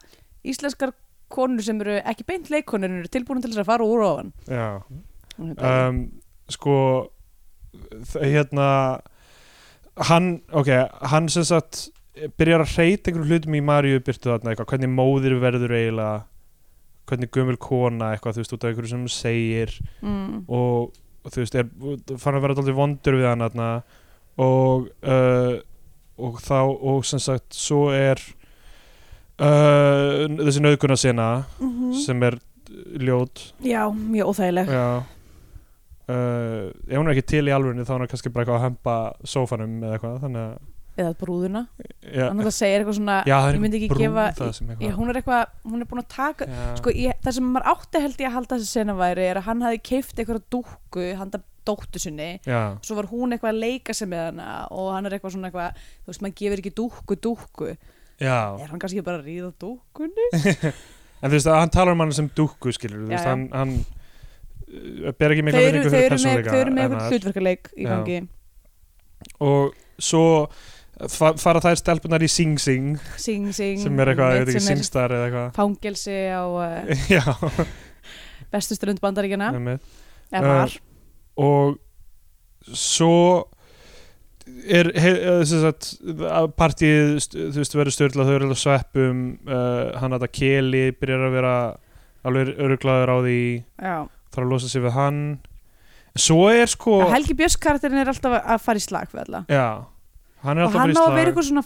flokks hann er svona fixer einhver, sko. já, eða svona, eða svona, svona hann er svona baku tjöldin Já, flokksmaður hann er svona einhver svona aðstofmaður eða, eða þú veist, einhver svona apparatnik check eða hvað maður kallar þess að kvöra sko. já, einmitt svona sem Eh, að sem að eh, almenningur þekkir ekki að nafni en, Já. en, hérna, en er með fingurnar í öllum búðing öllum búðing öllum búðingurum ég ætti að gera meira af því að reyna að bera fram orð sem ég bara lesi á prenti já. það sýnir bara að þú lest mikið já, já, það er bara nákvæmlega. fallegt já, já, já. Það, ég verðist vera klárari því meira sem ég ber orð vittlust fram það er hvernig ég sé það um, svo reynir hann sem þetta blackmaila forsætisraðara Já. þegar forsætisraðara er reyna þú veist, er líka svo við hjá almennlýsu Já, já, hann er að sofa í Elmelísu þannig að hann mætir og filmar það og eitthvað svona sendir uh, að, þú veist, ætlar að senda konuna hans þetta já, en svo prófar hann að ringi í konuna hans og það er það skrítast það skilur af því að það er eins og konan hans vilji ríða honum já Svo en, sest, ok, basically bara svona þa- þetta átt að vera eitthvað svona þú veist, basically að því að, að, því að fósitrisráðurann á bara að vera svipu típa nefnum bara tíu árum eldri já og fara vægar eða svona fara aðeins vera hljóðlátari með já, en það er því Ætla að hann er að náttúrulega búinn sýna að fara í galla. fína meðferð erlendis já, já, en hérna en, sem sagt, en hugmyndin held ég er svo að þú veist að, að hérna, hann er einu skrifa undan alltaf eða, þú veist, og, og, og, sem sagt, og leifur er alltaf að reyna að komast já, þú veist, ná upp í Já, þessum já. blekkingaleikjánum eins og þú veist, hann næra honum hann á teip með elmlísu og þá byrjar hann bara eitthvað að spinna strax bara eitthvað kona mín er með krabba mein og já, já. eitthvað við munum þurfa að fara í gegnum einhver blaðvitul ef að þú losar þetta eða þú veist, hleypir þessi fjölumla bla, bla, bla, og þá eitthvað svona ákveður að ringja í konuna hans, hún Já. er bara eitthvað að djamma og er ekki Já, með já. krabba mein og er bara eitthvað hei, getur eru alveg vikar djamma í og það þessi krampa, krampa minn ég veit að maður getur alveg djam en hann var basically að segja bara eitthvað, hún er svo slöpp af Já, já. lifjameðferð að hún getur ekki einu Já, sinni já, rétt, riðið já. sko. um, uh, en hérna en þá er hún bara eitthvað, heyrðu, hvernig ætlum við að riða já, já, sem er þú veist, á þetta allt, við eigum að sjá þetta allt í gegnum augu hans aðalpersonur, er það ekki? Er, þetta- er þetta ekki bara, eða bara að, allir, hann heldur allir vilja ríða sér já, Þú veist, þetta þetta er bara, þetta er dálítið erfitt í heila 90 mínútur, já, já, þetta er Ef- ef svolítið þetta á- mikið ef þetta á ég að vera sko, ég þannig sko sá part af þessari mynd hún var í sjónvarpinu fyrir einhverju ári síðan eða eitthvað því ég var í, í heimsókn hjá mömmu og pappa já. og ég þurfti bara frá að hverfa að því Já, ég já. gat ekki setið með fóldur mínum og horta á þessa mynd Nei, nei, þetta er pínu erfitt í, í, í, því samhengi sko. og líka mamma mín sko, hún í alvörinu, hún horfði á svona fjórar mínútur og var svo bara, nei, Já. ég gerði það ekki Ég hef nefnilega heyrt uh, óanægur rætti með þessa mynd já, eða og... Og- hún bara, hún sko þólir bara ekki hún bara þólir ekki Scandinavian Pain Já, hún, veit, hún er bara eitthvað svona þurfa allar íslenska myndir að fjalla um eitthvað sifjaspell og Já, já. spillingu og nöðgun og morð, nákvæmlega þú veist og hún bara nennir ekki að horfa á Já. það Það er, þú veist, manni finnst það í mjög mörgum myndum vera svona tíbleiðin út já, þú veist, magnið af sjálfsmórnum í kvikmyndum, þú Já. veist, magnið af þú veist, s- já, einmitt, nöðgunum að segja spjalli, nöðgun sem motivation fyrir hvern personur og eitthvað svona, Einmitt. þessi svona típ leið út úr, út úr handhundskrifum, já. en þú veist, ég, ég ætla kannski ekki alveg að segja það um þessa mynd, af því að hún er að reyna dálítið, annan Annað. hlut já, mitt, þannig að þú veist uh, ok, það, það sem þau eru í þessu partí, Disco Frisco er í gangi af því það er Ógeðslega náttúrulega það lengi. sem fólk er að hlusta á í ja, þessi partíum fólk er að í hlusta staðinn. í partí en mér finnst alltaf- alltaf gaman að heyra það lag svona, já, já, það er gott lag, já. Um, gott grúf já, hún mætir þarna fyrir hætti konuna hans af því að Hvað er annað Frisco? týnd. samfræsinskó, Sa- Það lítur að vera sko. þannig að það er einhver á- ákveðið brand af diskói Já, þegar maður tala um disco þú veist, er það Ég verið veit ekki að hvort tala San um Francisco var kókain frá samfræsinskó uh, er þetta Já. lag að fjalla kókain frá San Francisco af því að disco er slangur fyrir kókain diskó friskó Já, uh, getur verið Þú veist, að, ég meina að það er, það er New York disco, það er Philly disco eru svona, þú veist, já, tegundir af, kannski stóru disco tegundunar sko, já, já, einmitt uh, og Italo disco en uh, já, ég veit ekki hvort San Francisco var með þannig senu að maður merkir hann sérstaklega Nei, náttúrulega San Francisco er meira svona ofskýrunaborgin og LA Já, er meira svona hippabúr Já, og LA er meira svona kókborgin já, já. Uh, allavega, já, konan hans kemur og þú veist, það er þetta með að fara að finna uh, dótturina og það er líklega þar sem hann fer úr partíinu með þessum leigubílstjóra sem ekki er spenntur fyrir að sem fer með þingmann í bílnum og alltaf bara hjálpa honum að buffa stóra ás Ok, þessi, þessi leigubílstjóri var rosalega Já. fljótur að hérna að- sem er kannski á að vera, þú veist, sína hversu mikið allir eru tilbúinu til þess að já, já, Þú þetta er allt eitthvað svona meðvirknistæmi Já, um, og svo uh, þú veist, ég veit ekki hvort þetta er sama kvöld eða annað kvöld þar sem partíið leiðist út í uh, að vera á barnum já það er mögulega sama kvöldið mhm. forsætisráður að reynir á einhverjum tímabúti að sti- ræna símanum sem er með mynd myndbandinu já, af honum að halda fram hjá einmitt Og- er einhverju fáránlega fyndu gettabi já, einhver svona maður í dulagervil og já, þetta er nánast með bara grátt og margt Rísast og sólgleru og eitthvað trefil og eitthvað uh, já, og, já, og, ok, mjög fárlegt við þá senu er að konan sem vinnur á barnum hans já, sem er einhver, hérna, einhver svona austur-evrós austur-evróks típa já, bara stekkur á hann með bara einhver risan hníf já það er allir rosalega lojal gagvart ólægitara uh, þess að fannst leiði mér að pínu leiðilegt sko að fá ekki að sjá neitt hvernig stjórnmálan stundar já, að því að þú veist, mér fannst það þú veist, það þyrfti eiginlega að vera mér- það er eiginlega fyrir mig eitthvað svona grunnur fyrir því hvernig Einmitt. típa hann er sem að þú veist, hvernig hann svona conducts business Þa, já, það sem er rosa erfitt held ég er að fá aldrei uh, svona, st- svona straight mann eða þú veist, Já. eða, þú veist fá aldrei voice, eh, eitthvað voice of reason eða neitt þú veist, því maður það er, að- það er aldrei verið að reyna að jartengja neitt, þú veist, Nei, þetta er nei. allt í þessum í þessum eh, í bakvinna þessu fyllir, filter fyllir í sem að góðari var já, og, uh, og þ- þó að þú veist Nanna Kristín sé eitthvað svona eitthvað kvart í honum það, við, við vitum ekki alveg hvað er rétt og satt eða neitt já. við vitum bara að hún er óanæð með eitthvað, eitthvað hún leitar samt til hans eða dóttir hans er tínd og eitthvað maður svona Já, ég meina hún er alltaf bara fór frá arma því hann er alkoholist algjörlega og það er einhver sena þa- það sem það sem það er í gangi, hann mætir heim til hennar eða þú veist, eh, er býrðar ennþá og vill ekki fara já, um, svo um, er sem sagt hérna þetta partí á barnum og þetta er bara langt montage af svona djammi eiginlega alveg svona mínútóland já um, að þú veist að þegar maður náði þess alveg eftir tvær mínútur var maður bara, já já Algjörlega. ok, það er djam í gangi dálítið mikið og uh, það er mér finnst að fyndi í svona djammondasum hvað fólk er mikið að hrópa vú Öskra. Woo! og öskra bara eitthvað já, ah!" einmitt, Þú veist, það er minnist djamm. þess ekki að hafa gert þetta á djaminu sko þetta er dálítið svona ég held að segja þetta svona unglinga mm. djam Uh, Mhm. er, er svona oh, oh, þú veist, það er svona nýtt að þú veist, áfengi losum þú já, veist, já. reyndir djammarar það fer miklu minna fyrir þeim reyndir djamarar náttúrulega eru bara þeia já, og horfun í glasið sitt Já, algjörlega, þú veist, þegar maður sér þú svona reynda djammara á börum eða þú veist, í partíum þá, mm. eitthvað, kannski sleppa þér eitthvað að beislinu í einhverjum eftirpartíum og eitthvað þannig Já, en, En- ég held að sé samt öruglega ekki að æpa svona Nei, örgulega ekki og það eru, en ég menna reyndar, e, e, þú veist, ég sammálaður mér fannst þetta óþægilegt að því ég var einhver bara eitthvað hver gerir þetta? já, En þa- þessar lóli típur þarna eiga náttúrulega að vera eitthvað úlingar þær eru bara ímyndun sko. þær eru Ó. 100% ímyndun þarna sko. ég trú ekki Já, að, ok heldur, eh, þú veist, heldur að hann mæti í- þó þeir, va- þær væru í þessum listgjörningi með Maríubyrtu og mm. dóttur hans heldur, þú veist, heldur að dóttir hans væri ekki hei, stelpur, við skulum ekki fara á barinn hans pappa sem er ræðilegur Já, ég veit ekki, ég, þegar ég átti 16 ára ammæli þá fóru alla vinkonum mínar úr ammælinu til þess að fara í eftirparti eftir James Brown tónleikana að sofa hjá okkur um gömlum hljómsveitamæðlum föngurum For real Já, ég veit, en þú veist, það er ekki James Brown var ekki pappi eins þeirra Nei, Þetta nei, er ég er bara að segja, þú veist, ég myndi ekki vannmeta það hvað 16 ára stelpur eru tilbúin til þess að fara í eitthvað partí, sko. Já, já, ok, það er kannski alveg rétt uh, En þú veist, að mæta í, í göllunum Ok, kannski, ég veit það ekki um, Nei, nei, en þú veist, það er líka alveg, það er góða punktur. En ok, en þá, þá veldi ég fyrir mér hvort að senan með, hérna, uh, Hafdísi, Já, var hann þá bara einn á naukunni, fyrst að þessir Mögulega. þessar lólitur voru ekki... já, af því að það er eitthvað tvær stelpur að vera, þú veist, eitthvað að ríðunum Svo mætir Hafdís sem er náttúrulega kærasta Helga Björns Já. og þau ríða og það er rosa passionett sko, en svo heyrir maður nei Já. bergmála rosalega mikið þannig að það er bara naukunar sinna með tvö þannig Mhm. og þú veist þannig að maður veit ekki hversum þú veist hvað hva var í gangi þar Mm. þetta er náttúrulega allt mega óþægilegt Já, þetta er bara eitthvað óþægilegsta sem ég hef hort á í íslenskum kvikmyndum já, sem er a- afrek út af fyrir sig og svo sem en hérna það er rétt. Það Tó- er vissulega afreka því það er mjög mikið áþægilegum Já, hlutum í mjög íslensku mikið. kvikmyndum. um, það er rosa mikið stróbljós í gangi ma Já. maður veit ekki alveg hvað er rétt og eitthvað um, fyrst er sem sagt, góða tungl með Samaris í gangi Samaris Samaris Samar, Samaris Já. Samaris Sam- gerði Maris.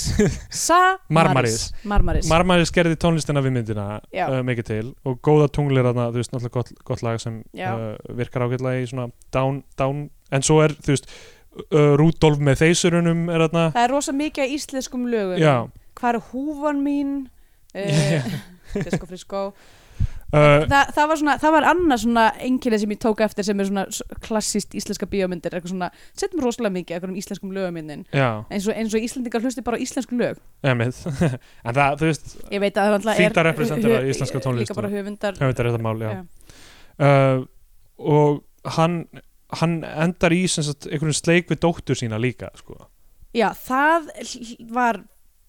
tilbúningur já, ég meina ég meina að þetta hlýtur alltaf varpað þess aftur í myndina bara þú veist hversu mikið af þessu var já, já. að gerast í alvörunni Mhm. og hversu mikið ekki En ég held sko að það, það dæmi að því þar var búið að henda honum í fangugeimslu hann var Já. búið, þú veist, eitthvað sopnút og götu og eitthvað uh, Einmitt. Eh, að það, það var, þá var hann bara með bara delirious tremens já, já, væri bara með eitthvað ofskinjanir og, emið og væri að skóla öllu saman já, já, sem að, þú veist sem gerðist og, og þú veist, að því að hann er búin að vera að sofa hjá okkur barnungur stelpu að þá náttúrulega augljóslega blandar hann í saman og dóttu sína Já. af því að, að því að það er það er það, ég get ekki skil veist, það er náttúrulega mjög mikið af fólki sem gerir þetta sem að, þú veist, byrjar að deyta fólk sem Já, já. er á svipum aldrei börnin sín ég, hérna þú veist, maður hlýtur að þurfa aðeins að fara í gegn nokkra ringja og hugsa um já, algjörlega sko ég, þú veist, ég held við eh, þurfum öll að hafa rosalega mikla þólimæði fyrir því hversu erfitt það er að finna þú veist, ást og tengingu við aðra mannesku þetta já, og þú veist, maður er rosalega fljótur að stökkva til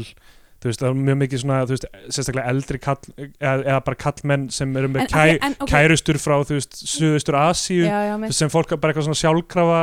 svona hvíti kallmenn með suðaustur asískar kærustur sem eitthvað, s- ok, Já. í- en maður gerir sér engu að síður grein fyrir þú veist, stundum er eitthvað svona ba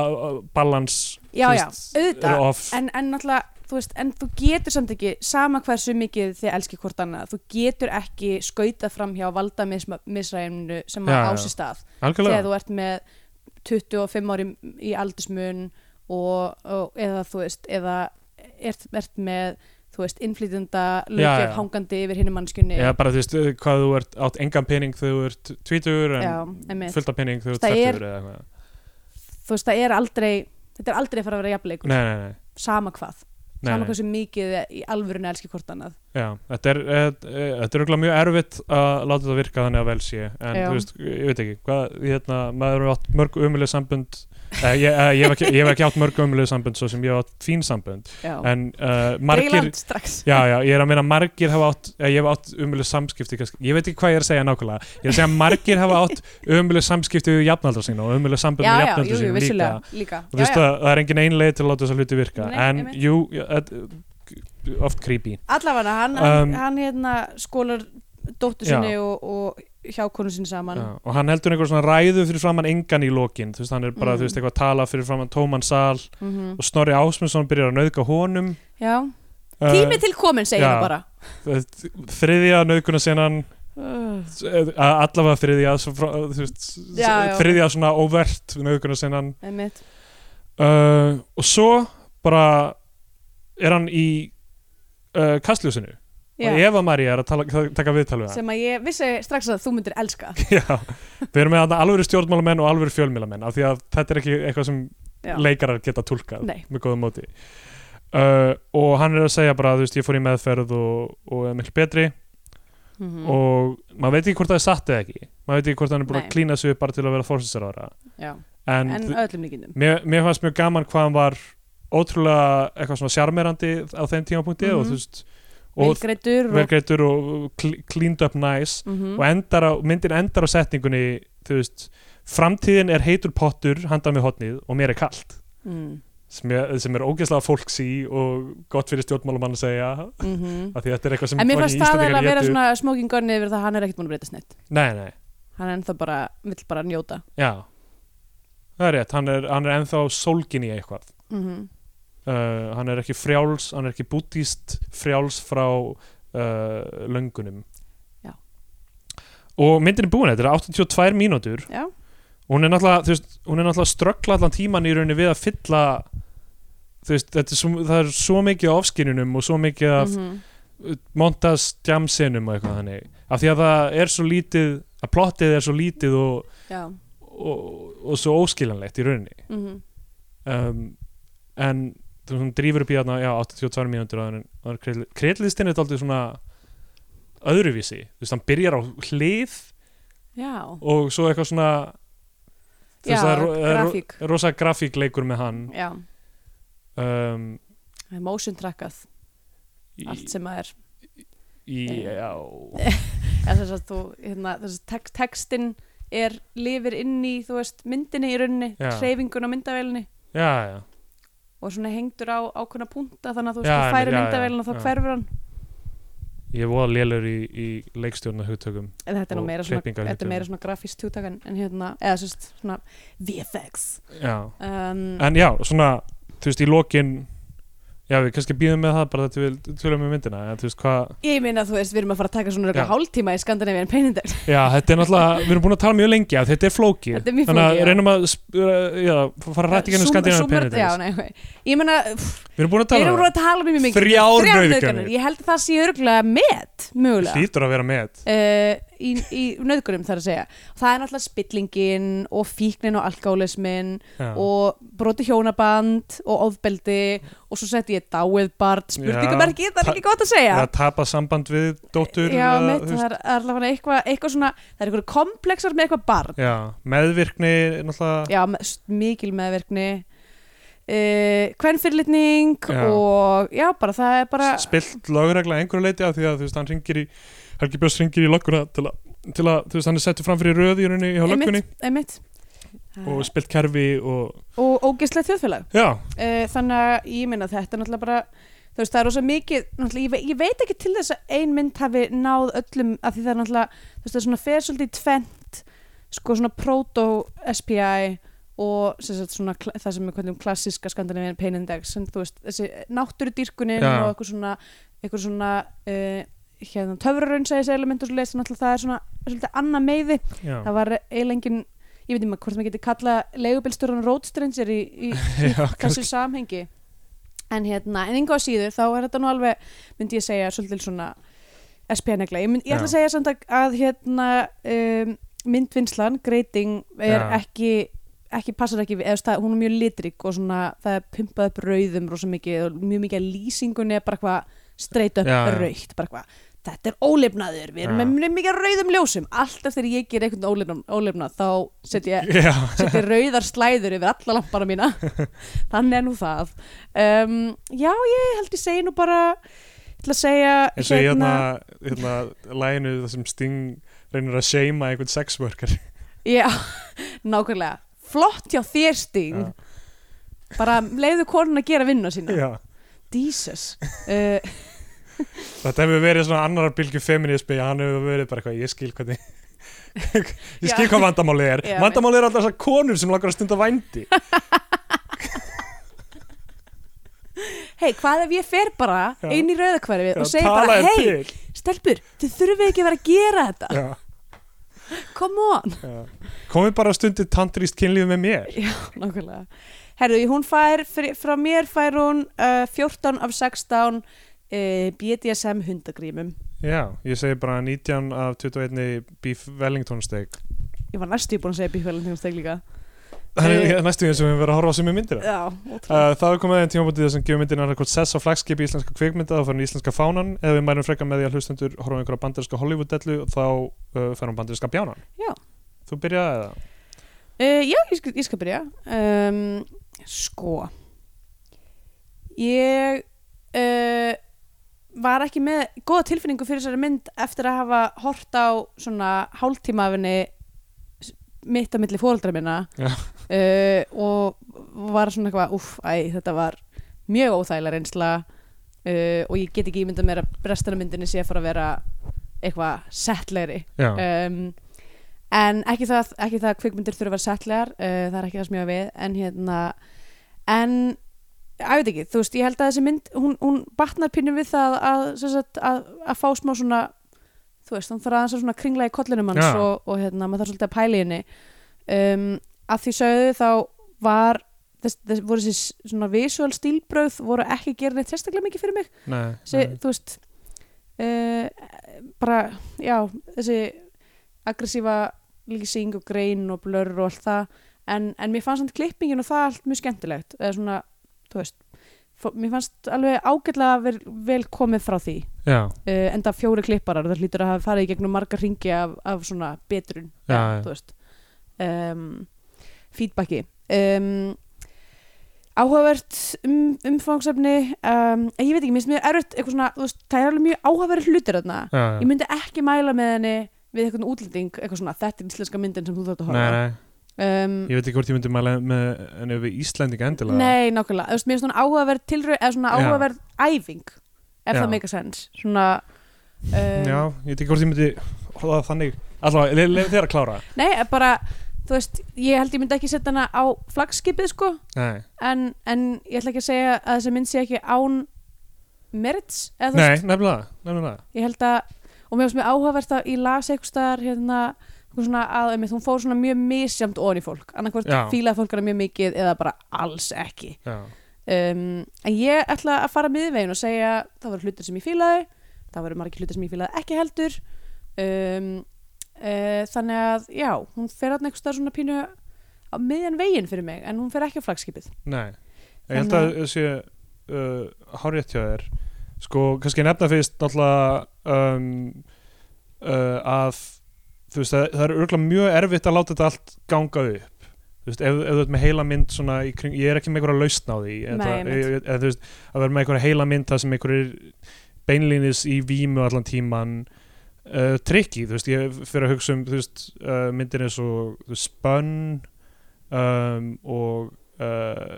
þú veist, og, og, og svona, uh, s- hérna, svona myndir sem eru almennt að gerast á svona ólíkum tímalínum eða já, sko, f- fyrir tilviljun var ég nýbúin að horfa á Wild at Heart já, David Lynch myndina bara kvöldi áður sem ég hafði ekki séð áður og Mhm. fannst f- finnst svona eins og líka erfið mjög erfið, rosalega erfið og er eiginlega, þú veist, David Lynch aðeins að svona mistíga sig finnst mér af því að, þú veist, öll stílbröðina sem maður elskar og allar svona, allir karakterarnir og allt, allir svona, Mm, allt svona útlitslega og svona tensjónlega dæmið er, þú veist, til staðar já, en það er bara eitthvað aðeins off við grunnhugmyndina og, og aðalpersonunar og eitthvað og, og leikin á köplum Það- þú veist, að- þessi þú veist, David Lynch leikur sem er þú veist, alltaf á mörkum þess að vera ofleikur já, já, emitt en þú veist sem gerir allt svona pínu skrítið en þú veist það, það er bara eins og að þú veist ég meina þetta er Nicolas Cage og eitthvað þú veist, þetta er bara... bara aðeins röngum megin við línuna já, er hann eitthvað tíman rétt með einum línuna adaptation, eiginlega einu Adaptation skipti. er, já, það það er góð mynd en ég meina þetta, þetta, þetta er trikki að láta þetta ganga upp já, og, uh, og svo myndir líka með mikið af flashbökkum, hún er með mikið af, af svona já, uh, tímalínur sem er eitthvað svona uh, off og e- eitthvað þannig og mikið af ljótleika einhverjum mhm. og, og svo horfði ég á þessa og ég var ekki frá því að XL hefði haft hver er mei- kvennpersona, er það Laura Dörn? Laura Dern, já. Já. hún náttúrulega er dásamleg já hún er alltaf mjög, mjög flott en hún er líka algjör svona sex idiot í rauninni stóran hluta já, myndinni. já. Uh, en hérna en ég var, ég var ekki frá því að XL hefði haft meiri áhrif, áhrif á mig í rauninni sem Já. ég horfði á hana daginn eftir Já, og þú veist þannig að ég hugsa að ég get eiginlega ekki afskrifað þessa mynd af því að hún er, hún er klárlega þú veist gengur ekki alveg upp og Mhm. þetta er svona smá að ströggla við að láta þetta virka en þetta er tilraun til einhvers stærra en þú veist íslensk kvikmynd að gera þorir venjulega að gera mm og sem er alveg mjög lofsvert um, í- þú veist en á sa- ég segja eins og þú, þú veist ég get ekki sagt að þetta sé eitthvað endilega mjög góð mynd eða þú veist eitthvað sem ég vil mæla með við fólk Mhm. Mm. en þú veist, ef, ef Curiosity kjánin hefur jákvæð, jákvæða skýrskotun sem var Já, eitthvað já. svona velun sem við gáðum, hvað bara hérna, Myrkraðingin, nei nei. hún er hérna uss Já, en, sem að, að maður á að horfa á því að hún er eiginlega svona the room léleg já, en samt eh, algjör hérna, þeysi reið já, algjör feisreið, en þessi er svona þú veist, jákvæða myndin af því sem er bara eitthvað svona, ef þið langar að sjá þú veist, áhugaverða tilröðin til að eh, þú veist, gera kvikmynd Mhm. og þú veist, og, og- eh, ég meina og líka Ólafur Darri er í ramma í allan tíman og Mm. ég meina maður trú- 100% trúir að, að hann sé þessi gaur sko, Já. hann algjörlega sekkur inn í þetta hlutverk Mhm. og er á mörgum, þú veist, af því hann er náttúrulega ef, ef hann á að vera í geðrofi ef hann á að vera, þú veist, í vímu eða hvað þetta er allt saman, þú veist, þá, hann sér sjálfan sig sem, þú veist, góðagaurin í aðstæðunum Já, sem að er náttúrulega er, þú veist, það er skýripúndurinn sem að þú veist, sem að er eiginlega pínur svona n- nelt bara svona inn í loka serunni, Já, þú veist, er að er að þú veist, ef þú sérð sjálfan þig sem eitthvað svona, þú veist hérna, hvað segir maður bara, hérna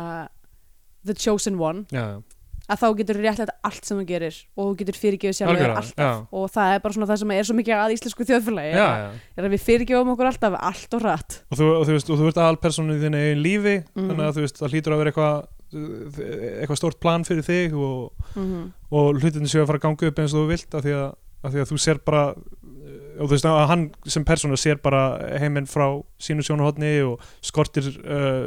samkend eða hvað, er það besta orðið yfir empathy, samkend eða það er samt ekki alveg rétt, Eh, jú. nær ekki alveg rétt um það allavega, þú veist, hann, hann, já, hann, er, hann er sjálfhverfur og þú veist, fíknin uh, sjálfhverfur sjúkdómur í rauninni og þú veist, og, og allir eru meðverkið gagvart honum að því að hann hefur völd og er, þú veist, og kemst upp með þetta og það er engir, engar afleðingar já, þannig að þú veist, þetta er, já, þetta er mjög áhugavert og hann, hann er flottur í þessu hlutverku, það er allir í rauninni bara, þú veist, já, ég meina þetta er allt góðu leikarar já, myndi ég segja Þa- þa- þannig að þú veist af, af því að ég, ég fór inn með litla væntingar af því, ég hafði heyrt eitthvað svona að þetta væri eitthvað weird og eitthvað já. en eftir á hugsaði mjög lengi um hana ég, þú veist, ég get ekki alveg sett hann á flagskipið en þú veist, bara flott að þessi mynd var gerð og, og þú veist já, ég, hérna ég horfði líka á þau Fountain Darren Aronofsky myndina, já, einmitt hefur séð hana ég held, er það, er það, Hugh Jackman og Ra- Rachel Weisz er það Hugh Jackman Já, hann er, Vá. þú veist, hann er, eh, gerist á þremur, eða svona, eða þremur tímalínum það, það sem hann er, þú veist, eitthvað svona spænskur kon, konkistador og, og líka einhver svona munkur í framtíðinni og það eitthvað. er ekkert problematist við það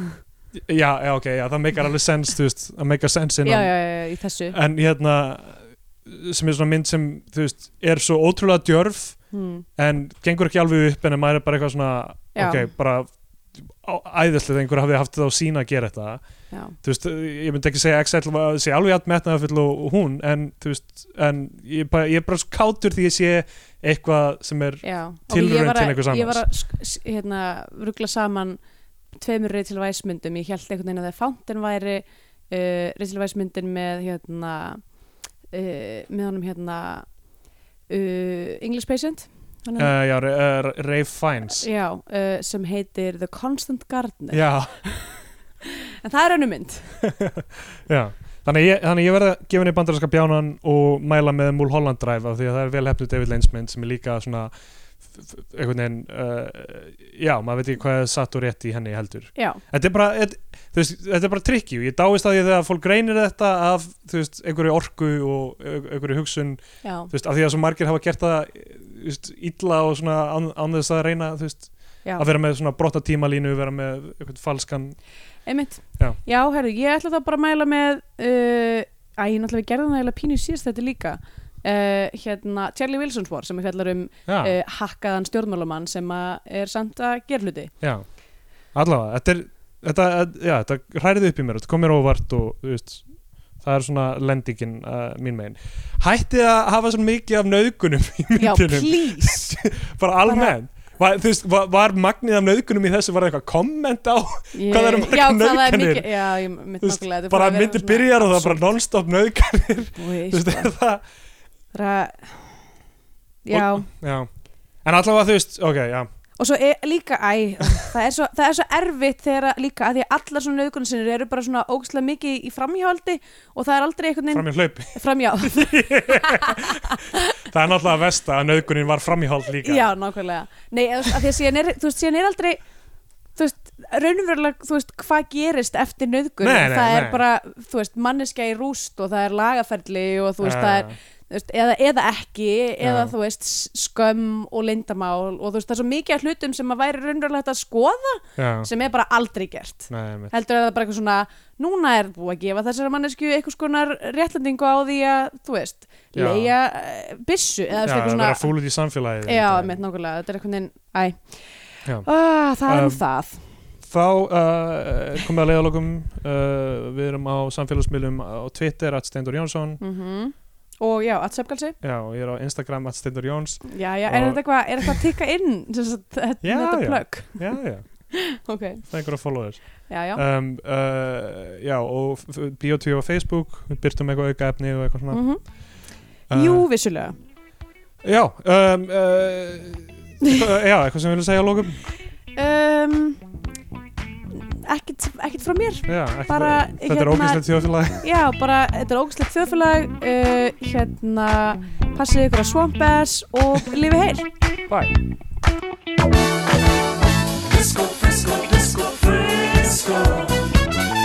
Våra mamma flickvän